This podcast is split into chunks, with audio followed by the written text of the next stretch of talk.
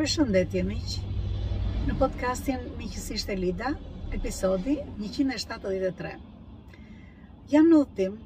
sapo kam dalë nga takimi në një bord drejtuesish, në të cilët Një problem që, me lejen e tyre, do doja ta ndaj me ju, është mirëqenia brenda grupit, bashkëpunimi brenda grupit.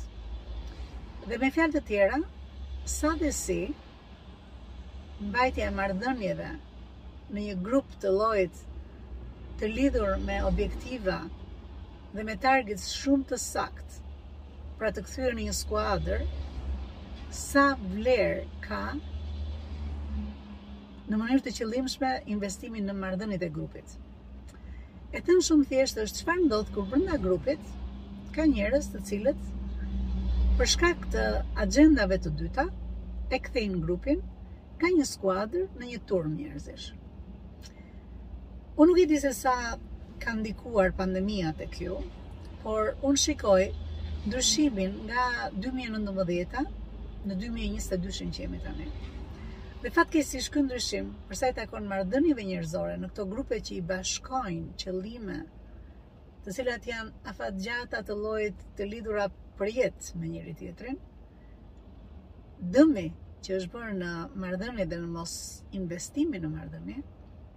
është aq i madh në biznese sa në shumicën e rasteve vetë drejtuesit zgjedhin të fusin kokën si struci në rërë dhe thonë diçka nuk është e vërtetë ndofta kemi një gjë shumë të madhe që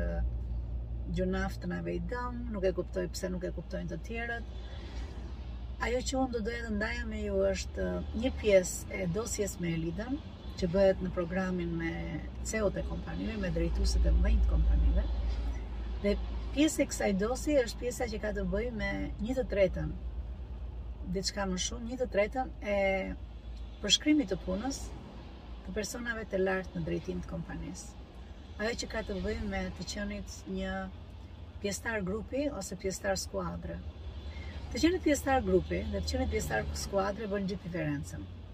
Grup mund të jemi shumë njerëz që jemi ulur në një dasëm apo në një festim familjar dhe rrim bashkë dhe jemi në një tavolinë, ne jemi grup. Por nëse ky grup do të ketë një qëllim të përbashkët për të arritur objektiva të përbashkëta, të cilat janë jetë ndryshuese për të tërë, sepse nga kjo varet pagesa, nga kjo varet shtëpia, nga kjo varet qiraja, nga kjo varet kredia në qoftë se ke marrë, sa dhe si mund t'u përgjigjesh këtyre detyrimeve, apo fëmijët që ke në shkollë. Atëherë, kjo nuk është më, nuk e ke më luksin që të jesh në një grup, në të cilin secili ka qëllime të veçanta, apo ka qëllime të cilat janë të padeklaruara. Siç është qëllimi që të vendos që unë kam gjithmonë të drejtë, apo ajo që them unë është gjithmonë e vërtetë, apo ajo që prej shumë vitesh kam pasur shumë qejfmbetje nga një apo dy persona dhe ky është momenti që unë t'i nxjerr në dritë. Ky është momenti që unë t'i nxjerr në tavolinë. Në fakt miq të investuarit në rritjen e, dhe forcimin e marrëdhënieve të grupeve i kthen këto grupe në skuadra fitimprurëse. Nëse jo, fatkeqësia që unë po shikoj shpesh është që investohet në shumë gjëra të tjera, investohet edhe në në të themi zhvillim personal dhe profesional të këtyre njerëzve, po tek e tek, jo si grup. Të mos vënit e një objektivi të qëllimshëm për rritjen dhe përmirësimin e mirëqenies së marrëdhënieve në skuadrat e larta, me skuadrat e larta do të thoshja në skuadrën e, e aksionerëve apo të ortakëve apo të drejtorëve apo të bordeve drejtuese, për mua është ajo që ka sjellë në shumicën e herëve shkrirjen e disa kompanive të cilat janë shumë të mëdha ose ngrirjen në vend që është vetëm një një një hap larg nga shkrirja komplete ose është një një ecje me ritme aq të ulëta Sa është dy hapa larg shkrirjes apo daljes në kapitullim të kompanisë. Nuk di se sa shumë rëndësi ju po i vini kësaj gjëje miq, qoftë nëse jeni vetë anëtarë të këtyre stafeve të larta, qoftë nëse jeni persona të cilët kini mundësi të ndikoni në rritjen e e mirëqenies së marrëdhënieve të skuadrave të larta. Arsyeja pse e them këtë gjë është kjo. Në shumicën e herëve nuk ka njeri që të merret me mirëqenien e vetë drejtuesve. Nuk ka njeri që të kujdeset në mënyrë konstruktive, të vazhdueshme, si pjesë të një rituali të vazhdueshëm, si pjesë të disa zakoneve të vazhdueshme, të përsëritura, në të cilat si objektiv është mirëqenia e drejtuesve të kompanisë. E thënë kjo, jam duke u drejtuar në mënyrë të drejtpërdrejtë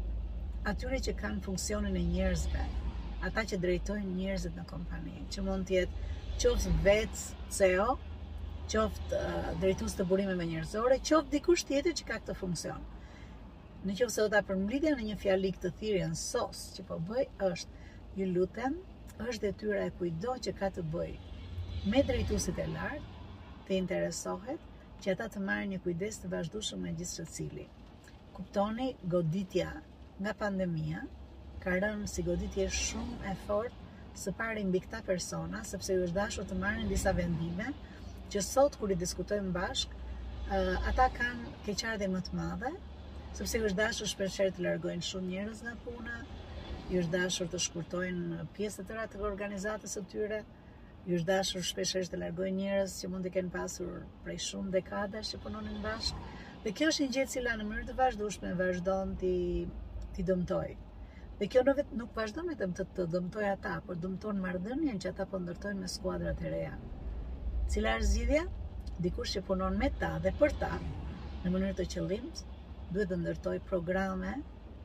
nxitëse dhe zhvilluese për vetë drejtuesit e vet. Ju lutem kontaktomëni, sepse një nga programet që unë bëj, është pikërisht ky. Kujdesi dhe rritja dhe zhvillimi i vetë CEO-ve të kompanive, me qëllim marrjen prej tyre të drejtuesve, flas të bordit më të lartë drejtues të një kompanie, varet çfarë mund të jetë siç thashë. Marrja e vizionit të tyre dhe shkrirja në përditshmërinë e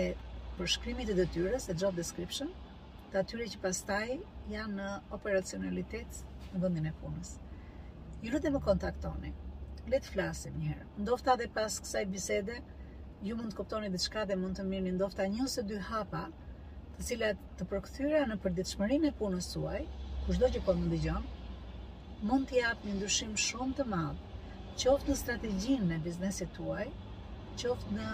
pjesën e zbatimit apo në pjesën operacionale ku ju jeni të përfshirë. Duke besuar që shumë prej jush, po më keni dëgjuar deri në fund, kini të njëtin hall aty ku punoni, që shikoni që në drejtimin tuaj, disa gjëra nuk po venë nga mirë, shumë mirë në ekselente, por po janë, ose siç thashë, një hap larg uh, shkrirjes, që do të thoshja ti ke filluar të kuptosh që nuk po hecet, nuk po zhvillohet, nuk po mirrni mbrapsht atë që po investoni, ose jini pak a pak drejt atyre hapave. Duke shpresuar të kem ndihmuar, sado pak për të ngritur një SOS për drejtuesit e ekonomisë sonë, dhe sidomos të atyre bizneseve që janë dëmtuar jashtëzakonisht, por që ia kanë dalë mbanë nga viti i kaluar,